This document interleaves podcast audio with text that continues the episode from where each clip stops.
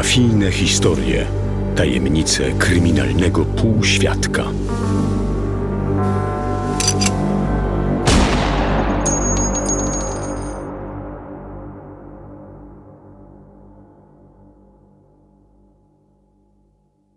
Mamy rok 1994. Oznacza to, że w polskim półświadku właśnie zakończyła się trwająca kilka lat cisza przed burzą, a rozpoczął się prawdziwy dziki zachód. Od tej pory, aby zobaczyć sceny, jakie znano dotychczas jedynie z filmów sensacyjnych, nie trzeba było wypożyczać filmu na kasecie czy kupować biletu do kina. Od teraz w wielu miastach w Polsce, żeby zostać naocznym świadkiem strzelaniny czy zamachu z użyciem ładunków wybuchowych, wystarczyło jedynie wyjrzeć przez okno.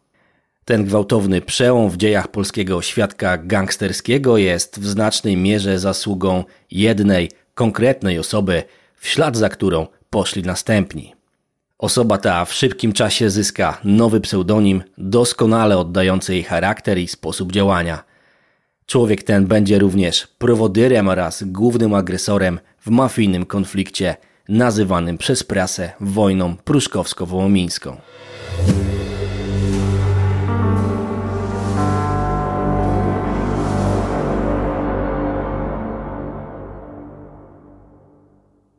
Poprzednim odcinku wspominałem, że pierwszy zgrzyt pomiędzy ludźmi Pruszkowa a gangiem Henryka Niewiadomskiego Dziada nastąpił już w 1992 roku. Od momentu wpadki ze spirytusem obie strony rzeczywiście zaczęły pałać do siebie wrogością i wycofywać się ze wspólnych interesów, ale jeszcze przez długi czas trudno mówić tu o jakiejkolwiek wojnie gangów. To wszystko zmieniło się, gdy z Banicji powrócił brat dziada Wiesław, który w odróżnieniu od Heńka już na początku lat 80. był jednym z największych gangsterów prawobrzeżnej Warszawy. Gdy w połowie lat 80. do jego gangu wreszcie dobrała się milicja, Wiesiek z pomocą brata wydostał się z aresztu i uciekł na zachód, skąd powrócił do kraju dopiero po przemianach ustrojowych. Na miejscu przypomniał o swoim istnieniu dawnym kompanom i postanowił przywrócić w Warszawie porządki sprzed swojej ucieczki. Podczas jego nieobecności na największe tuzy stołecznego półświadka wyrosły takie postacie jak Pershing, Parasol, Bolo czy Słowik i to właśnie oni znaleźli się na celowniku Wieśka Niewiadomskiego, który z marszu chwycił za karabin i zaczął wprowadzać nowe, stare porządki. Zyskał również nowy pseudonim Wariat.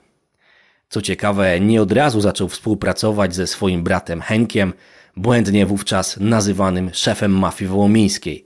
Panowie kilka lat wcześniej pokłócili się o warte 200 tysięcy dolarów złote monety i pojednali dopiero gdy na dobre rozgorzała wojna z szefami Pruszkowa.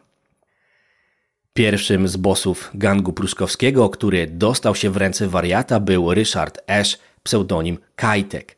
Gangster schwytany przez ludzi niewiadomskiego trafił do niewoli, z której po jakimś czasie za 120 tysięcy dolarów wykupił go prawdziwy boss Wołomina, Ludwik Adamski, pseudonim Lutek. Już wcześniej wariat osobiście próbował uprowadzić innego z szefów Pruszkowa, Leszka D., pseudonim Wańka. Panowie znali się jeszcze sprzed ucieczki wariata za granicę, ale po latach życia poza Warszawą wariat po prostu nie rozpoznał Wańki w czasie próby uprowadzenia i Leszkowi D. udało się uciec. Tamte zdarzenia były jednak tylko preludium do tego, co zaczęło się, gdy Niewiadomski za cel numer jeden obrał sobie lidera grupy ożarowskiej Andrzeja Kolikowskiego, Pershinga.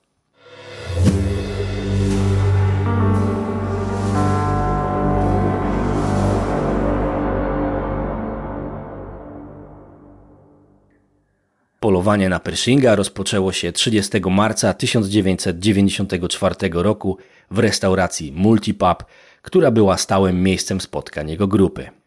Wariat wysłał do lokalu swoich ludzi, którzy podłożyli ładunki wybuchowe w przewodach wentylacyjnych i oczekiwali na dogodny moment. Gdy w środowe południe samochód Pershinga pojawił się przed restauracją, doszło do potężnej eksplozji, która zrzuciła dach budynku na głowy przebywających tam gości i tylko cudem Nikt wówczas nie zginął. Tak opisują tamto zdarzenie redaktorzy policyjnego czasopisma Magazyn Kryminalny 997.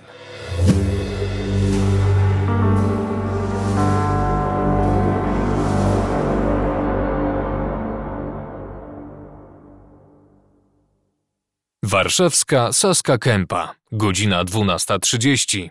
Nagły huk tłumi wszystkie inne odgłosy. Słychać go nawet nad Wisłą. Podmuch tłucze niemal wszystkie szyby okienne w promieniu 150 metrów. Początkowo nie bardzo wiadomo, co się stało. Tylko ogromna dziura w dachu multipubu i leżący na chodniku 20 metrów od budynku metalowy komin świadczą, że doszło tam do jakiejś potężnej eksplozji. W pobliżu drepcze zszokowany mężczyzna z zakrwawioną głową. Nie wiadomo kto to, nie wiadomo jak poważne są jego rany. Nie wiadomo, czy ktoś jest w środku pubu. Eksplozja w pubie. Magazyn kryminalny 997. 15 maja 1994 roku.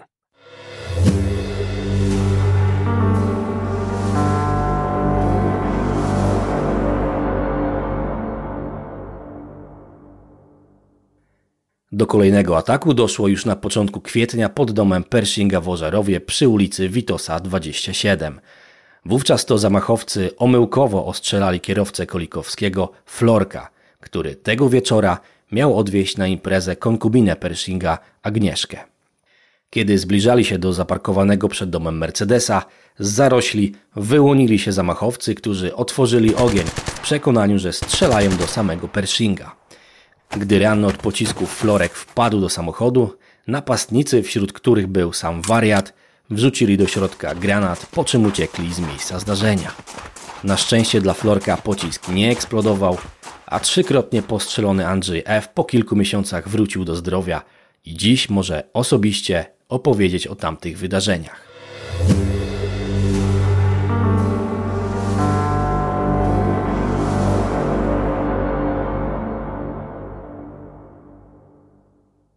W Warszawie siedzieliśmy w hotelu Polonia. No i rozdzielali sobie jakby tam czas, tak, i tak dalej, i tak dalej. Do mnie nic nie mówi, to ja się zbieram do wyjścia i mówię, no to jadą gdzieś tam. Pamiętam, że on z kimś tam, no gdzieś tam miał jechać, no ale co mnie to obchodzi? No i on mówi, a ty Florian pojedziesz do mnie do domu. Po co? Agnieszka ma gdzieś tam wyjść na jakiś raut, jakiś, jakiś tam kieliszek wina czy coś to jedź z nią, bo ja nie chcę, żeby tam się coś przydarzyło. W Ożarowie ciemno jest, wiocha, mhm. to jedź. Ja mówię, no dobra, odwieziesz ją, to potem pojedziesz do domu. Chuj, pojechałem gdzieś, to, było, to się wszystko wydarzyło gdzieś koło dziewiątej, bo ja pojechałem wcześniej. Mhm. No i ona mówi, głodny jesteś? Ja mówię, a tam będzie coś do jedzenia? Nie wiem, chyba nie. Ja mówię, no dobra, to zjem. No i tak sobie siadłem przy oknie, tylko okno było z tej strony i, i na, na ulicy, ale taka jedna latarenka świeciła, to tam chuj było widać, krzaków chuj. Mhm. On dopiero po tym zdarzeniu kazał te krzaki wszystkie wyciąć. Ale to byłeś, nie wiem, u niego na, w domu, czy to przed... U niego w domu. U niego w domu. W kuchni u niego siedziałem mhm. i ona zrobiła kolację. No i posiedzieliśmy chwilę, ha, ha, ha, ha, hi, hi, hi, hi. Ona, wiesz, na zegarek patrzy, mówi, no trzeba jechać. Ja mówię, no dobra, to idziemy. Wiesz, światło przed domem zapaliła, wychodzimy do samochodu. Jej drzwi otworzyłem, Idę w drugą stronę, odwracam się i mówię, Agnieszka, wypierdalaj, bo chyba będą strzelać. Jakoś tak instynktownie. Łup, kurwa, dostałem w rękę, wpadłem jak worek kartofli do samochodu. Nawet nie wiem, wiesz, nie wiem, nie myślałem na ten temat, co się z nią stało, bo ja dostałem w rękę, a to był taki ból, kurwa, że no tak zakołysał, że no, człowiek traci jakby jakąkolwiek świadomość tego, co się dzieje. No i jak tak leżałem jak tak leżałem na, przechylony przez fotel, to widziałem jak biegnął do samochodu. Miałem taką kurtkę, e, z, takie modne były wtedy, z kartami do gry na plecach, takie szerokie. I widocznie jak byłem przykryty tym, tym, to tutaj było tylko widać kawałek głowy, a tu twarz była zakryta tą mhm. kurtką i przypierdolił jeszcze dwie sztuki. A to z bliska już wtedy, tak? Czy... Z bliska, z przystawki tutaj tak jakby dostałem jedną w klatkę piersiową, a jeszcze jeden dostałem w brzuch, to w podłogę poszło. No i tego było słychać, wiesz, jak oni tam to odpinają, rzucił to... Ja nie miałem już wtedy, jak dostałem te, te dwie sztuki, ja pamiętam, tak, takie zdarzenia to się raczej pamięta. jak w klatkę dostałem, takie i chuj. Nie bolało. Tak jakby cię ktoś czymś gorącym dźgnął. No i co? I wiesz, oni z samochodu zaczęli biegać, gdzie ta kurwa jest, gdzie ona jest, kurwa, gdzie ona jest. Dobra, dawaj, bo nie zdążymy na przejazd. A wtedy był tylko jeden, jedyny wypad tamtędy na przejazd kolejowy, na tą szosę starą poznańską. I widocznie mieli obcykany rozkład jazdy, bo musieli zdążyć przed zamknięciem zapór. No i Żeby wiesz, jakby był pościg, to żeby zdążyli uciec. Mhm, No a co się stało z tą żoną wtedy? Ona uciekła, czy co? to konkubina była, Agnieszka Konkubina. z Gdańska. No i nie, nie uciekła, ona się pod samochód schowała. To było tak szybko, to była taka adrenalina i dobrze, że akurat, że im się trochę udzieliła ta adrenalina, bo e, ona, ja się zacząłem z tego samochodu wyczołgiwać, ale już to, to był moment i ja już byłem coraz słabszy, tylko po prostu nogi mi zostały w samochodzie, a ja leżałem już twarzą i, i ciałem na, na, na, na zewnątrz. No i ona, wiesz, przybiegła do mnie, zaczęła krzyczeć, strasznie zaczęła krzyczeć. Ja mówię, Agnieszka, nie krzycz, tylko zadzwoń do Andrzeja. No i wiesz, zadzwoniła do Andrzeja i, i to nieprawda jest, że ja nie pamiętam, żeby tam masa był. Nie pamiętam, przysięgam, nie pamiętam. Pamiętam, Wańkę pamiętam, no. Waniek, Wańka, Słowik. Oni byli. No bo gdzieś tam pod jakimś zdjęciem e, napisał, nie? Masa, Tak. że... Czy pamiętasz, jak przyjechaliśmy po ciebie z, ki... z kiełbasą? kiełbasą. bodajże, No. Ja nie pamiętam. Ja nie chcę w tej chwili ani go dyskredytować, ani nie chcę mm, coś mu ujmować czy zabierać, ale ja nie pamiętam, a zdarzenie raczej pamiętam dosyć dobrze, dlatego że to takie przeżycia to się pamięta do końca życia. I nie pamiętam. Pamiętam, że e, podnieśli mnie do góry. Myślę, że ja w ogóle w twarz dostałem, bo ja leżałem twarzą na tym żwirze, a miałem całą osmoloną twarz od tego żwiru, taką ubrudzoną. No i wzięli dopiero mnie za kurtkę pod boki, wsadzili do Andrzeja tej kupety i zaczęliśmy jechać. Ja tylko zdążyłem, ja tam jęczałem jak, jak dzik, jak... a on mówi przestań jęczeć jak baba. To ja się nagle zamknąłem i mówię to zadzwoń tylko do chłopaków i powiedz, żeby nie wchodzili, bo tam jest granat w samochodzie. Wiesz, a to ja, każdy tam zaglądał tam do samochodu, tak? No i jak Andrzej zadzwonił, to jak, podobno jak poparzeni kurwa skoczyli od samochodu, już potem czekali na policję. A mnie e, takie były fatalne drogi. Wtedy pamiętam, że przestraszyłem się, bo z takimi światłami najechał na nas samochód, to myślałem, że to jest y, jakby, że wrócili się. A to karetka, która nie mogła trafić tam w ogóle. I przełożyli mnie do karetki i dopiero w szpitalu na korytarzu, jak już wjechałem, na te plafony takie się, e, wiesz, świeciły i ja tak, tak pyk i straciłem przytomność i dopiero za dwa dni jakby e, wróciłem.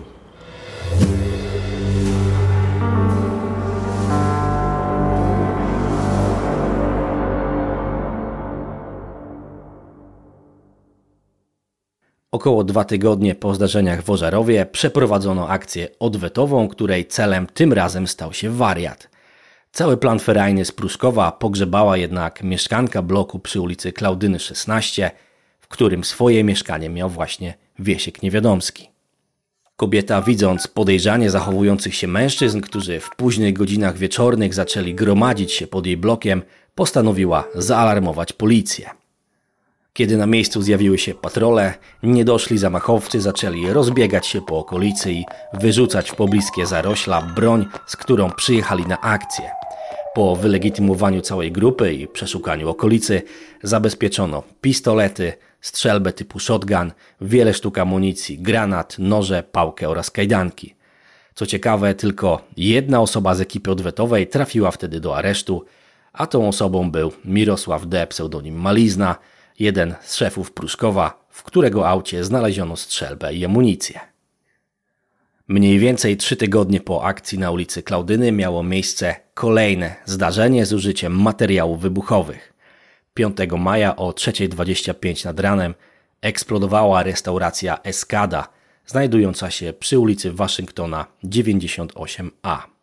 Współwłaścicielem lokalu był od niedawna Wojciech P., przedsiębiorca i przyjaciel Pruszkowa, który pod koniec lat 80. typowany był na wiceministra budownictwa. Mimo użycia sporej ilości trotylu, podobnie jak w przypadku multipubu, eksplozja ta ponownie więcej szkód narobiła zwykłym mieszkańcom Warszawy niż wojującym ze sobą gangsterom. Szczegóły tamtego zajścia w artykule Wojna o Warszawę opisali dziennikarze Super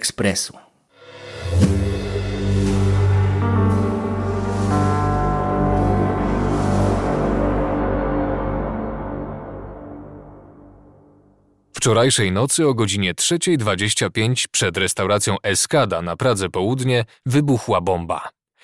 Obyło się bez ofiar. Policja nieoficjalnie mówi o gangsterskich porachunkach. Ładunek podłożono pod oknami, przy ścianie. Siła wybuchu wyrwała dwa okna i zerwała kilkumetrowy fragment dachu. Wnętrze ucierpiało niewiele. Wojciech P., właściciel Eskady, oszacował poniesione straty na 50 do 100 milionów złotych. W trzech stojących przy restauracji blokach wskutek wybuchu posypały się niemal wszystkie szyby. Odłamki szkła poraniły kilku lokatorów.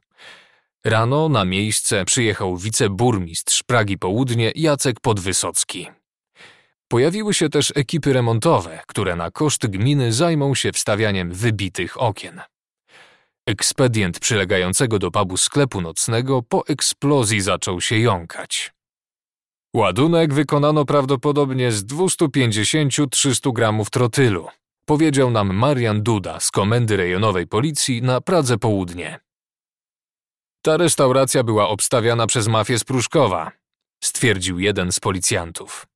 Potwierdzają to nasi informatorzy. Zdaniem policjantów wybuch mógł być ostrzeżeniem dla grupy pruszkowskiej. Prawdopodobnie w grę mógł wchodzić niespłacony innej grupie przestępczej dług. To była droga knajpa, wieczorami stały tu pod lokalem drogie auta. Przyjeżdżali nimi faceci w skórach, obwieszeni złotą biżuterią. Dwa dni temu na tarasie doszło do awantury między kilkoma mężczyznami. Posypały się pogróżki, no a dziś w nocy, sam pan widzi mówi jeden z lokatorów stojącego przy pubie bloku. Wojna o Warszawę. Super Express. 6 maja 1994 roku.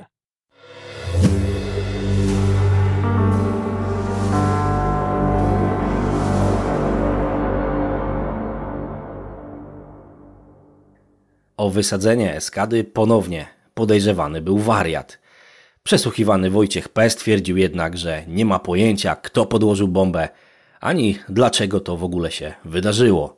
Jako ciekawostkę warto również dodać, że w odróżnieniu od multipubu, który zniknął z powierzchni ziemi, budynek, w którym znajdowała się skada, przetrwał i obecnie znajduje się w nim sklep.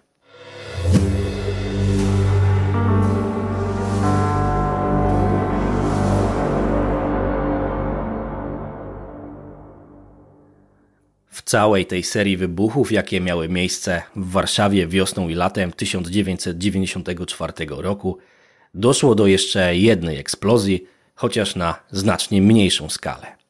24 lipca na terenie wyścigów konnych Służewiec w alejce nieopodal budynków dyrekcji eksplodował Mercedes należący do bawiącego się na trybunach Pershinga. Mimo iż huk wywołał spore poruszenie wśród osób znajdujących się na terenie wyścigów, uszkodzenia auta okazały się paradoksalnie niewielkie. Pęknięte szyby i osmolona, lekko uszkodzona karoseria. Kiedy na miejscu zjawiła się policja, Pershing nie chciał składać zawiadomienia o popełnieniu przestępstwa. Całe zajście zwalił na nieszczelny przewód paliwowy i po kilku tygodniach odebrał samochód z policyjnego parkingu.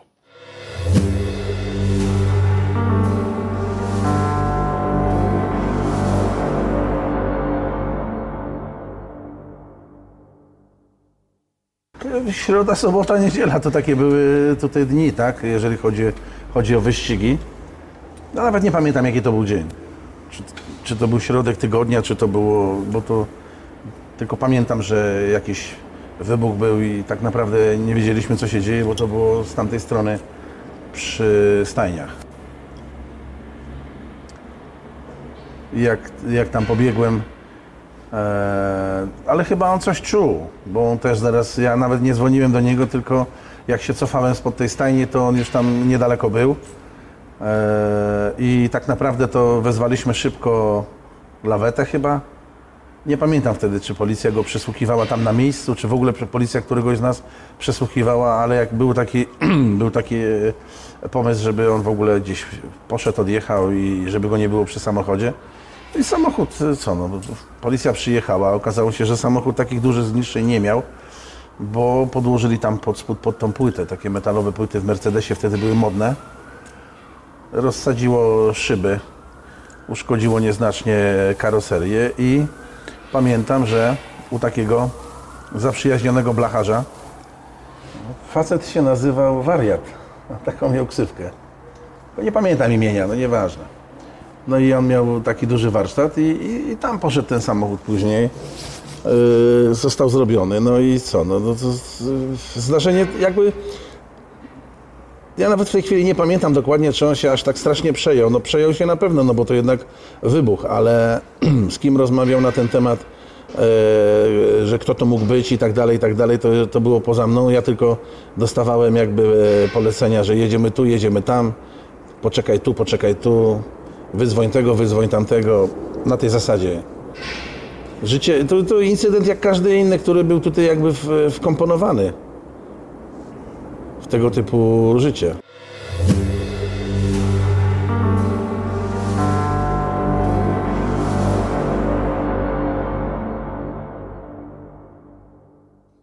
Mimo iż dobrnęliśmy dopiero mniej więcej do połowy roku 1994, jak widać, już wydarzyło się w nim znacznie więcej niż przez cztery poprzednie lata łącznie.